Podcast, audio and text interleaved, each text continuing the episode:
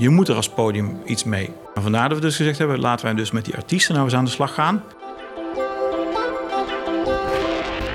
Als je het echt in je praktijk wil integreren, uh, dat je ook echt tijd neemt om die technologie te verkennen. Uh, dus dat het niet iets kan zijn van, oh, dit is hoe ik werk en dan stop ik dan een robot in. Dit is Cultuurshift, een podcast van Den, de aanjager van digitale transformatie in de cultuursector. Ik ben Aniek van Damme en in deze serie duik ik in de wereld van digitale transformatie. Want als er één ding is waar we echt niet omheen kunnen, dan is het wel het groeiende belang van digitaal om de sector toekomstbestendig te maken. Door mee te gaan met digitale ontwikkelingen bereik je je publiek nu en in de toekomst.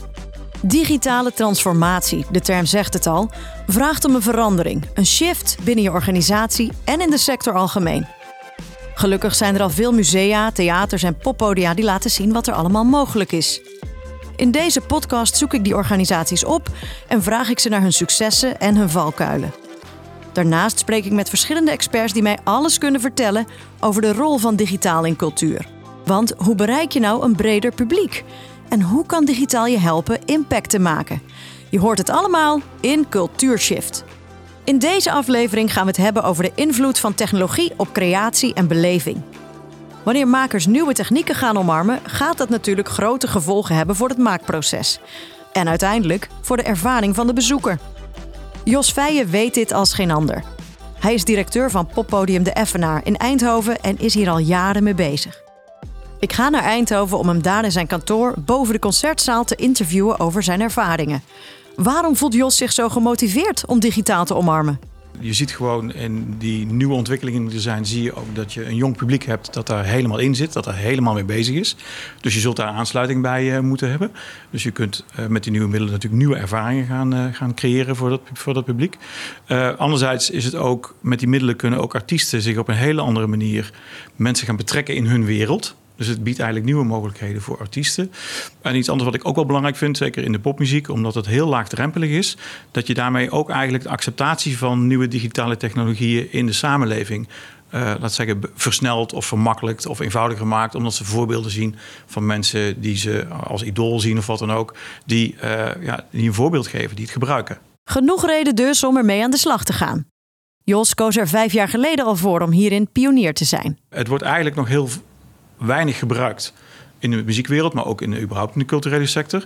En je ziet gewoon dat eigenlijk de sector daarin, vies woord, conservatief is. We doen het lekker zoals we het al lang deden en dat, uh, dat uh, willen we graag zo blijven doen. Um, en uh, voor ons was dat, omdat ik, dat we gewoon zagen dat die ontwikkelingen, dat die, ja, die, daar moet je gewoon iets mee. Heb ik gezegd van nou, we gaan dat gewoon verkennen. En dat verkennen is een zoekproces. Dus dat is niet iets waar je zegt van, oh, ga nu dit faciliteren of ga nu dat doen. Mhm. Het is een zoekproces. En dat zijn we dus vijf jaar geleden al begonnen. Met kijken van, ja, maar wat kun je er eigenlijk mee? Want even, heel, alle eerlijkheid, vijf jaar geleden wist ik ook niet wat VR was. Beetje overdreven gezegd, maar ik wist ook niet wat VR was en AR was en wat je er al mee kon. Dat was voor mij ook één grote ja, eh, vraagstuk. Uh, dus je gaat dat langzaamaan ontdekken. Tijdens dat ontdekken kwam Jos ook uitdagingen tegen. Maar de artiesten, daar is het nog heel moeilijk voor om hun weg daarin te vinden. Want die zijn er niet in opgeleid. He, klassieke uh, muzikantenopleidingen geldt ook voor theater. Hè, uh, worden opgeleid in de zin van u staat op het podium en daar is het publiek. Maar als je virtueel gaat denken, dan is dat helemaal niet meer zo. Dat publiek dat zit ergens en dat kijkt ergens vanuit een hoek en dat kan op allerlei andere manieren gaan. Dus je moet anders gaan denken. Um, een tweede wat erbij komt is dat ze dan zoiets hebben: ja, maar nieuwe technologie, eh, programma's, eh, moeilijke apparatuur, dus er zit een soort drempel om daarmee aan de slag te gaan. En ze weten eigenlijk ook niet precies wat ermee kan. Dus ze, ze missen de voorbeelden. Het lijkt misschien spannend om ermee aan de slag te gaan, maar dat kan je juist ook een hoop opleveren. Om daar meer over te leren, nodig ik Maaike Bleker uit in de studio. Zij is professor aan de Universiteit Utrecht en doet onderzoek naar de invloed van nieuwe technologieën op het maakproces en de beleving van theater. Zij weet dus alles over dit onderwerp. Ik vraag haar of ze me kan vertellen hoe technologie een maker kan helpen. Met welk doel kunnen ze het gaan gebruiken? Dus je ziet dat deels makers de mogelijkheden zien in hoe die technologie, dingen die ze al deden, um, makkelijker maakt of uh, versterkt. Je kunt op nieuwe manieren audio gebruiken met contactmicrofoontjes. Je kunt sneller mixen. Je kunt je repetities opnemen en snel afspelen. Je kunt van het hele internet uh, uh, inspiratie halen. Dus dat, dat, dat, zijn, dat zijn allerlei zeg maar, ondersteunende vormen waar heel veel mensen natuurlijk hele goede mogelijkheden in zien om te gebruiken. En dan zijn er natuurlijk ook de mogelijkheden waar je ook als publiek meer van bewust wordt. En die echt ook gaan over andere vormen die mogelijk worden. Andere vormen van maken en andere vormen van dingen op een podium zetten. Uh, bijvoorbeeld door uh, virtual reality, door augmented reality, door interactieve technologie, door robotica. Dus dan ga je ook echt, dan, dan is het ook heel erg in de face, zeg maar. Elke maker heeft een ander creatief proces en zal op een andere manier technologie kunnen integreren. Maaike heeft wel wat mooie voorbeelden ze zien van hé, hey, wat ik al, al doe, kan ik nog verder brengen daarmee. Uh, bijvoorbeeld wat je natuurlijk heel erg op kunnen zien in het werk van Ivo van Hoven en Jan Verswijfeld. Uh, dat zij, ja, zij werkte al heel visueel. Uh, en vervolgens kwamen daar mogelijkheden voor opnames die, die je als decor kon gaan gebruiken. Vervolgens kon je ook live opnames gaan mixen erin. En daar, dat, dat is eigenlijk voortbouwen op wat ze deden. Of andere mensen denken, hey, ik was al bezig met die, uh, met die acteur uit het centrum halen. Wat als het hele decor nou de performer wordt? En als ik dat allemaal kan aansturen. Uh, of wat als je voorbij het theater gaat. Wat natuurlijk ook theatermakers al heel lang hebben gedaan. In de openbare ruimte. Of, maar dat kan je nu uitrekken natuurlijk ook door hoe je mensen stuurt in de openbare ruimte. Door hun cellfoon. Zowel artistiek als praktisch is er door technologie ontzettend veel mogelijk. Jos ziet dat er grofweg vier manieren zijn om digitale middelen in te zetten voor je performance. Je kunt het hebben over interactie met het publiek. Dus iedereen heeft tegenwoordig een mobieltje bij. Of je kunt met, met armbandjes gaan werken. En je kunt het uh, publiek mee laten doen. Een heel mooi voorbeeld daarvan is het Smartphone Orchestra van Stijen. Uh, wat gewoon, waar je het hele publiek mee kan doen met, met, met, met, kleuren en dergelijke. En zo zijn er nog wel een aantal dingetjes. Um, dan heb je een verhaal waarbij je eigenlijk de artiest uh, door het gebruik van technologie meer zelfsturing kan geven aan het programma. Daar is Chagall een mooi voorbeeld van. Chagall van oorsprong uh, eigenlijk een traditionele zangeres in een bandje. En, uh, maar piano en laptopje, met, want iedereen staat tegenwoordig met een laptop op het podium. En die miste eigenlijk het contact met haar publiek. Want je staat naar je laptop en je piano te staren. Ja. Dus zij kon niet haar emoties overbrengen. En die is toen. Uh, uh, kwam ze in contact met Imogen Heap Londen. Dat zijn Mimi Gloves. Mimi Gloves zijn handschoenen met sensoren erin. En als jij jouw vingers beweegt, dan uh, registreren die sensoren dat. En dat maakt dus dat ik dingen kan aansturen. Dus zij stuurt haar stem aan. Dus zij heeft bij elk nummer heeft zij een soort choreografie met haar handen, waarin zij een heel orkest kan toevoegen, beats kan toevoegen, haar stem kan vervormen, effecten kan. Dus zij staat op het podium eigenlijk met die handschoenen aan. Mhm. Dan heb je drie, is dat je bijvoorbeeld AR gaat toevoegen aan een zaal, uh, dus aan een concert. Dus dan krijg je eigenlijk een extra laag. Dus je gebruikt nu allemaal al uh, licht en video dat, en geluid, dat zit in een zaal al, dus dat weten we allemaal. Maar je kan ook nog een keer daar een laag aan toevoegen via uh, AR. En dat kan zijn dat je dat doet op een scherm, een gaasdoek eh, bijvoorbeeld. Ja. Ik heb altijd een scherm nodig als ik zoiets doe, vooralsnog. Het zou ook kunnen, het kan ook met rook of het kan ook met water, zou je het kunnen doen, met waterdruppeltjes. Um, en dan kan ik gewoon, uh, en als je, als je met je telefoon doet, kan ik bijvoorbeeld nog persoonlijke boodschappen erin brengen. Want ik, dat, ja, ik kan gewoon een laag toevoegen. Ja.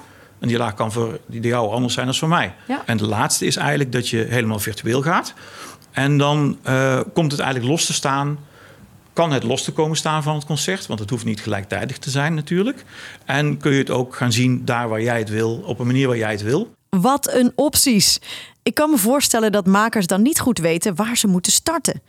Waar moet je als maker nou rekening mee houden wanneer je hiermee aan de slag wil? Nou, ik denk dat je er mee rekening moet houden dat als je het echt in je praktijk wil integreren, uh, dat je ook echt tijd neemt om die technologie te verkennen. Uh, dus dat het niet iets kan zijn van, oh, dit is hoe ik werk en dan stop ik dan een robot in. Of dan doe ik dat stukje in VR. Eh, omdat je dan heel erg, um, ja, dan ga je tegen allerlei problemen aanlopen. Want, want eigenlijk gaan die technologieën ook je werkproces veranderen. Maar je ontdekt ook heel veel mogelijkheden niet. En het integreert ook niet in je werk. Het wordt echt een opgeplakt stukje dan heel gauw. Ja. En ik denk dat de makers die je hier heel, uh, die, waar je hier echt resultaat ziet, wat, wat dat allemaal kan opleveren, dat zijn vaak mensen die dat heel erg uh, stapsgewijs verkend hebben. En ook vaak samen met mensen die veel kennis van die technologie hebben. Oké, dus je moet eigenlijk je team Precies. vergroten of verbreden of er mensen bij zoeken. Kan je een voorbeeld noemen van een leuke collaboratie die jij uh, hebt gezien?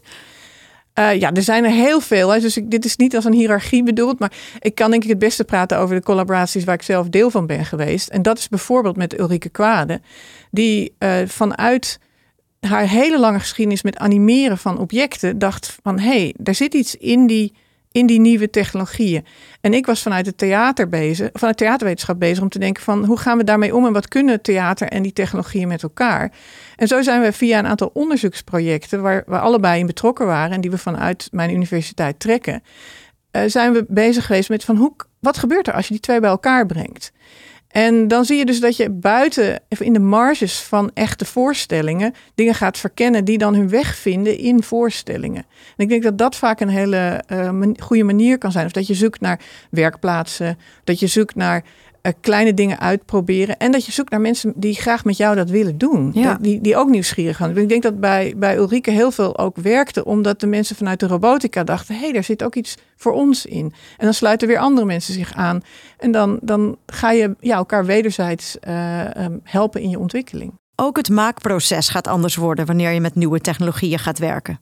Wat heel complex is hieraan... is dat je eigenlijk het hele ritme en de logica van je maakproces verandert. Omdat, uh, omdat er dus een nieuwe component binnenkomt. Uh, en, en daardoor, dat verandert niet alleen het, het product, maar dat verandert echt hoe je moet werken. Bijvoorbeeld als je uh, met een robot wil werken, um, dan betekent elke kleine verandering in, in dat gedrag betekent best een lange programmeertijd. Nou, ik dacht dat het kunnen acteurs, acteurs niet sneller veranderen. Maar acteurs zijn razendsnel vergeleken bij robots. ja. Maar bij robots moet je dan eigenlijk gewoon het proces stilleggen. Je krijgt bijvoorbeeld ook de vraag: wat hadden we nou eerst moeten doen? Hadden we nou eerst die robot moeten programmeren of eerst de voorstelling maken? Hadden we nou eerst die VR moeten maken en dan erin gaan werken? Of de helft ervan en dan? Of, dus je moet heel erg gaan nadenken uh, en dat vind je vaak alleen maar uit in het doen. Dus je moet gewoon meer tijd nemen ja. en ruimte voor, voor, om, om dat uh, uit te zoeken. En als je wil dat, die, dat, uh, dat het echt onderdeel wordt van, uh, van, van de artistieke mogelijkheden, dan heb je dus vooral ook tijd en, en, en ruimte om te experimenteren en expertise nodig.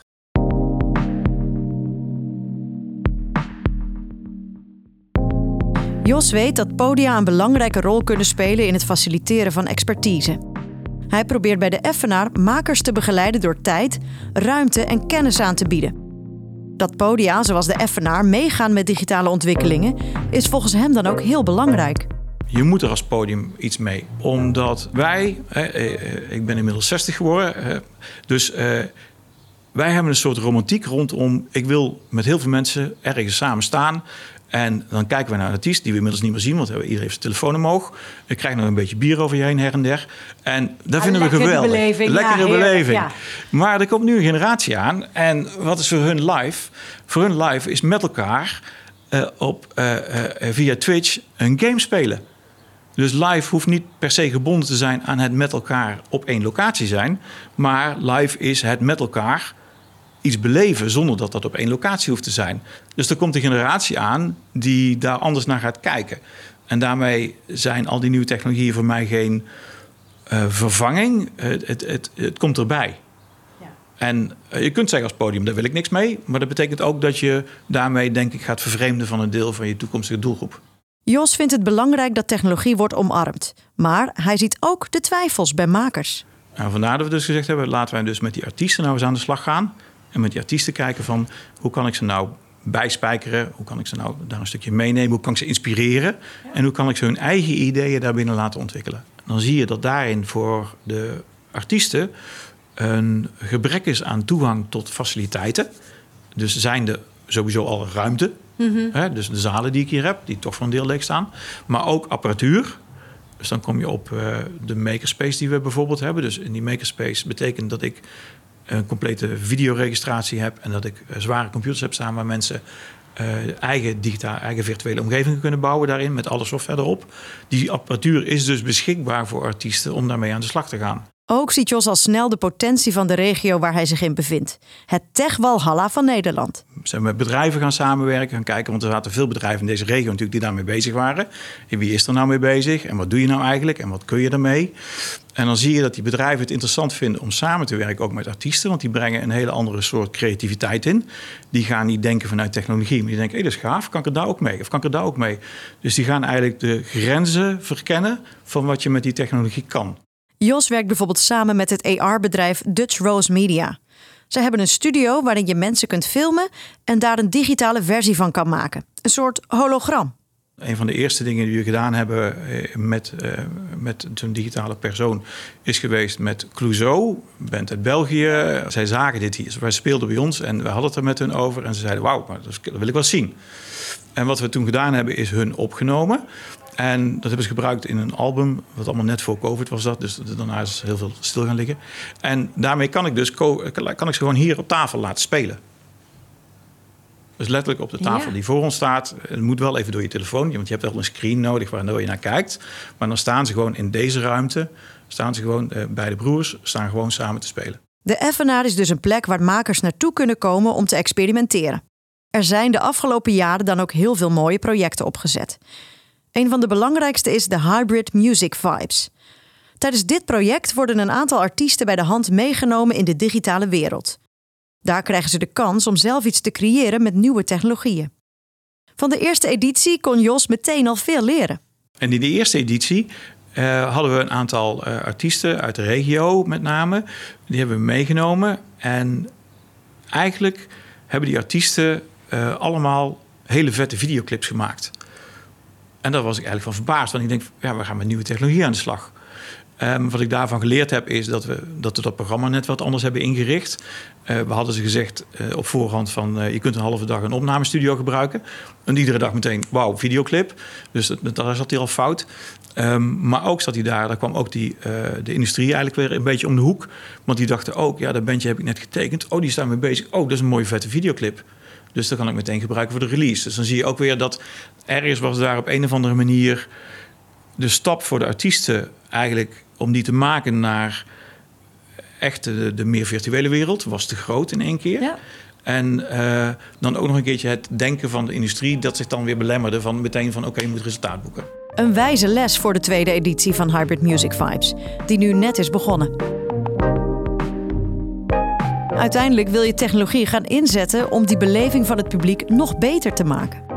Goed ingezet versterkt het dingen waar, waar theatermakers naar op zoek zijn. En dat, want dat kan echt uiteenlopen van een meer individuele beleving naar juist een meer collectieve beleving. Het kan naar veel intenser, naar veel meer de hele wereld buitensluiten. Het, het, het kan binnen theater, het kan er buiten zijn. Dus ik denk soms dat je met bepaalde digitale middelen spreek je natuurlijk ook net weer een andere belevingswereld aan. Uh, dit is ook een heel mooi voorbeeld van uh, uh, voorstelling van een groep die heet Dead Center.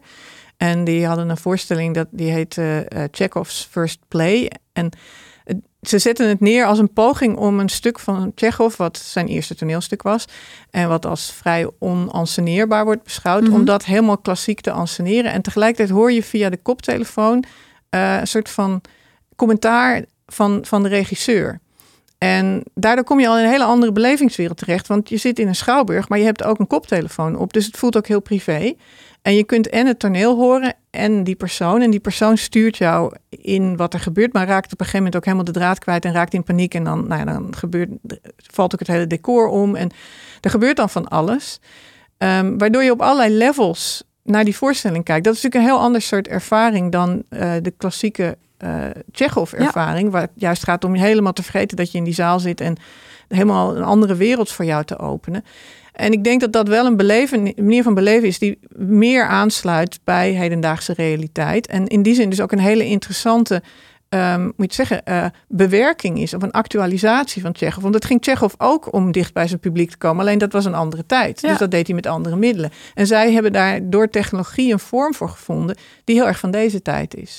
Jos zag deze kansen vijf jaar geleden al, maar had toen nog moeite om anderen van het belang te overtuigen. Ik heb dit eigenlijk uh, buiten de organisatie gedaan. In het begin heb ik het erin proberen te brengen, maar dat was heel lastig, omdat mensen het niet begrepen.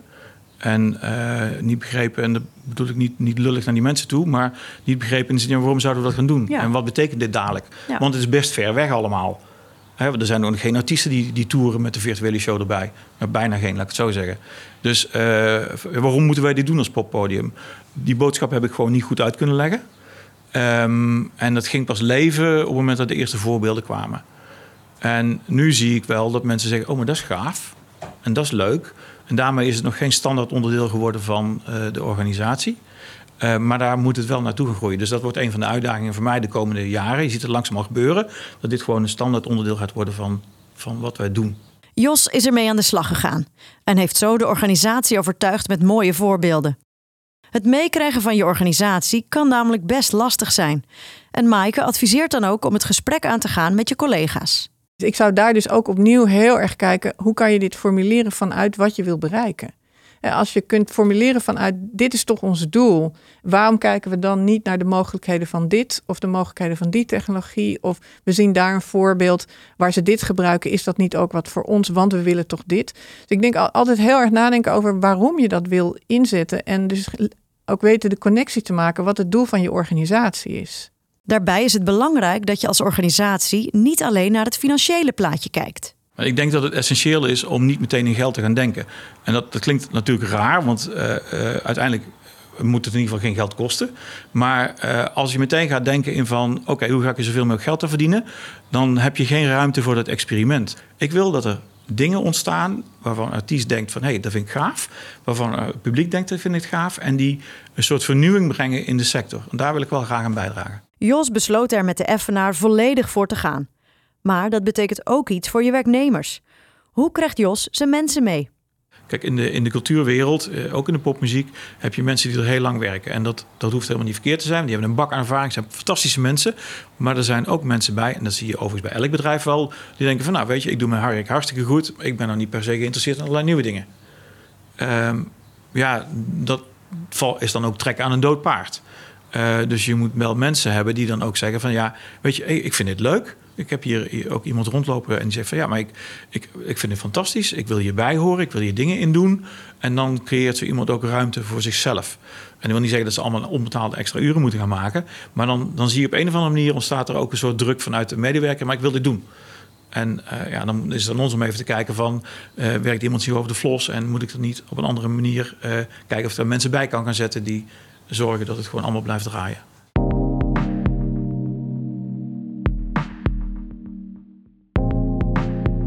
Maaike ziet dat er veel verandert voor medewerkers. Zeker voor de mensen die met techniek werken. De realisatie dat, dat ook het binnenbrengen van iets met nieuwe technologieën ook dus een andere soort beslag legt op je eigen technische staf. De kennis ook van zo'n, van zo'n uh, die, die er aanwezig moet zijn.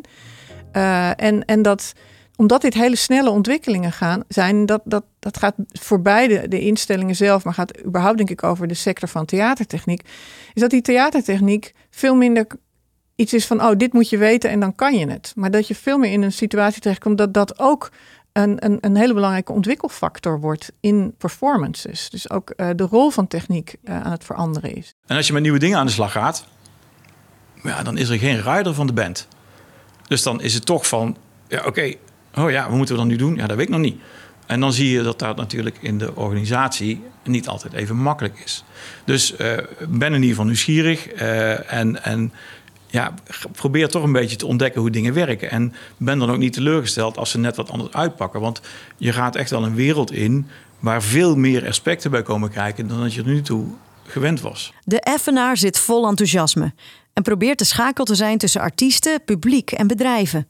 Maar om het echt tot een groot succes te maken, heb je de hele keten nodig. Net zoals de artiest er niet aan gewend is, is ook het plaatlabel of het management er niet aan gewend. En uh, heel snel is het daar van, ja, weet je, oh, dat kost tijd en dat kost geld. Moeten we dat wel doen? Ja. He, dus ook Clouseau zat bij een groot label. En uh, we hebben best wat gesprekken met dat label moeten voeren.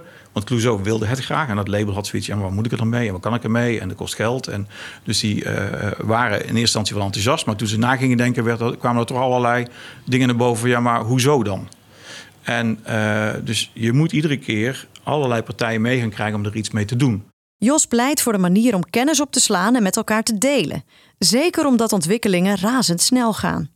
Je doet iets leuks met een artiest en die artiest is klaar en die vertrekt. Ja, en dan? En dat zie ik uh, met name, dat is een discussie die ik heb met onderwijsinstellingen. Er zijn heel veel studenten die het leuk vinden om, uh, die met technologie bezig zijn hier in deze regio ook. En die vinden het heel leuk om met artiesten te werken. Um, maar dan komen ze met een idee voor een artiest en ja, die leveren een project in en die zijn op naar een volgend jaar. Ja. Zijn we weg. Dat project is meestal niet helemaal af, want uh, daar hebben ze net die tijd niet voor. Maar er zitten wel hele interessante projecten tussen. Hoe pak ik het dan weer op en hoe ga ik daarmee door? Dus ik denk dat dat een, een hele grote uitdaging is op dit moment. Maar ik denk wel dat we inderdaad missen dat dit uh, verder nog moet gaan indalen. Omdat je dan een situatie creëert waarin de kennis ook um, um, ergens op een plek vastgehouden wordt. Wat je natuurlijk veel ziet op het moment is dat er heel veel geëxperimenteerd wordt. Ja. Wat fantastisch is. Maar dan heb je één experiment gedaan en waar gaat die kennis dan Precies, heen? het lekt allemaal weg. Dus, dus je hebt eigenlijk nodig dat die kennis ergens blijft en dat dat op een gegeven moment dan ook weer gekoppeld kan worden aan bijvoorbeeld masterclasses voor, voor, voor, uh, voor technici. Kennis delen is lastig wanneer alles uit losse projecten bestaat. En financieel is het ook ingewikkeld om iets op te bouwen wanneer je steeds alleen projectgeld krijgt. Toch laat je ons ook zien dat je voor financiering verder kan kijken dan subsidies. We hebben een partnership nu met ASML bijvoorbeeld. Uh, en ASML vindt het heel interessant om hier ook mee aan de slag te gaan met dit soort ontwikkelingen. Dus mensen vanuit ASML, uh, een deel van hun tijd uh, mogen zij ook besteden aan dingen voor de samenleving. Ja. Dus ik ga nu met mensen van ASML kijken van wat is er nou mogelijk in deze zaal. Ja. Kunnen we daar ideeën voor ontwikkelen. Dus je ziet dat we daar ook langzaamaan komt dat komt dat op orde. Ja, mooi. Want wat, wat zou ASML dan bijvoorbeeld toe kunnen voegen? Uh, nou, ik vind, ik vind, het nu al heel mooi dat zij natuurlijk... Uh, ze hebben een hele specifieke kennis in huis. Uh, en dat zij vanuit die kennis mee gaan denken van... hoe kun je dat nou toepassen op bijvoorbeeld een poppodium. Dus als je het nou hebt over, net ik zei, bijvoorbeeld met hologram op een podium werken. Um, hoe kun je dat op een nieuwe manier doen? ASML doet meer, meer projecten. Ze hebben met Glow hier in Eindhoven doen ze dat ook. En misschien om een voorbeeld te geven. Ze hebben uh, afgelopen Glow hebben ze een project ontwikkeld waarbij waterdruppeltjes met laserstralen beschoten werden. En dat gaf enorme lichteffecten. Dus weet je, en dat zijn dingen waar je normaal zelf, dat is ook een samenwerking ja. weer met een kunstenaar. Uh, dus ja, dat zijn dingen waar je zelf niet meteen op komt. En je hebt iemand nodig die dat faciliteert, die dat verder brengt. Ook ziet Jos dat er al genoeg mogelijkheden zijn zonder heel dure apparatuur. Maar zo gelikt hoeft het ook niet te zijn. Ja. En uh, het hoeft ook allemaal niet broadcast kwaliteit te zijn. Want de meeste mensen kijken nu ook op hun telefoon als je het over dat soort dingen hebt. Hè. Ook als je het over uh, virtual reality, uh, dan heb je een headset nodig. Maar heel veel zit je natuurlijk wel op je telefoon. Dus het hoeft ook niet meer dat niveau te zijn. Dus in één keer zie je dat je de dingen kunt maken. En dat heeft ook met technologische ontwikkeling te maken. Met apparatuur die veel goedkoper is. En met kennis die veel toegankelijker is. En ook nog eens een keertje doordat als je kijkt wat er nu bijvoorbeeld rondom AI gebeurt met het maken van eigenlijk letterlijk virtuele mensen, dus die helemaal niet bestaan. Ja, weet je, er zit, er zit, uh, die software die is al zo makkelijk. Ja, dat iedereen die zich daar, laten we zeggen, een halve dag in verdiept, daar al heel veel mee kan. Jos heeft zo al met veel technologieën geëxperimenteerd. En hij wil me er graag een paar laten zien. Allereerst de albumcover van de Eindhovense band The Dirty Denims. Dus ze hadden op dat album, als je die albumcover, als je die scande, dan uh, zag je al hun spelen ja. op de albumcover. En als je in de zaal was en je, uh, je scande hun backdrop in de zaal, dan uh, kwam er iets naar voren wat te maken had met het nummer wat dan gespeeld werd. Dus als ik, ik heb hier achter jou een zeggen, imitatie backdrop. Oh, en wat daar hangt een printje op een whiteboard. Ja, ja en wat zie je gebeuren? hey, als we de tele telefoon ervoor houden, ja, zie ik een dino op een raket. Dus als je dat scande en je stond in de zaal, dan kwam die dinosaurus door de zaal heen naar je toe gevlogen. En uh, dat was heel leuk. Ja, te gek. Ik heb ook al een VR-bril zien liggen en ben eerlijk gezegd wel benieuwd wat ze daar allemaal mee doen. Oké, okay, ik krijg de bril op mijn hoofd. Ik hoor al muziek. Ah, daar is de DJ. Ja, een DJ die ontzettend los staat te gaan achter zijn draaitafels. Ja, ik kan me wel voorstellen dat als je dit thuis doet met de bril op, dat je echt wel ook uit je plaat meegaat, ja. Je ziet nu wel een DJ dus die eigenlijk nog in een witte achtergrond staat. Hè? Dus ja. er is geen achtergrond. En, uh, want zover is dit nog niet afgemaakt. Maar uiteindelijk zet je die DJ nou eigenlijk neer daar waar jij het wil. Dus die kan op het strand staan, die kan boven op de Mount Everest staan. Die kan, god weet, in onder water kan die spelen. Ja. Die kan overal staan.